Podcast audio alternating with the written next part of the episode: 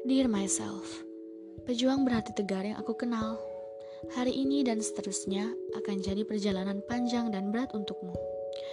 Mengejar segala ketertinggalan yang masih bersemayam dan penantian yang terasa begitu panjang.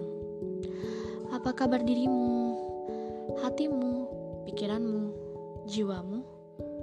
Apakah sudah merasa lebih baik? Semoga. Hari ini aku ingin bercerita di suatu pagi, guruku berkata, "Kemudahan datang untuk orang-orang yang berserah diri.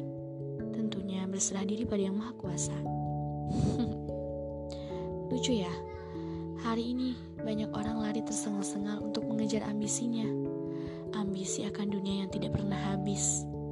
Mungkin juga aku, kamu, jangan ya. Kamu kejar mimpi dan harapan kamu saja, tapi dengan ridho Allah biar gak mudah tersakiti.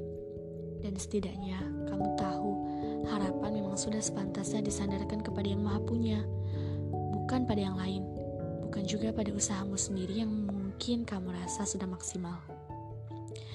Memang hidup tidak seindah apa yang kita rencanakan, tapi selalu ada hikmahnya kok. Dan ingat, rencana Allah selalu akan berakhir indah bagi yang percaya. Tetaplah berhati besar, tetaplah jadi orang yang berhati lapang, karena kesuksesan itu punya banyak bidang yang sangat luas. Bukan melulu tentang nilai-nilai, PTN, atau segala hal yang dihitung berdasarkan kuantitatif. Tidak, kesuksesan tidak sesempit itu. Semangat, teruslah tersenyum menghadapi ruang tempur ini.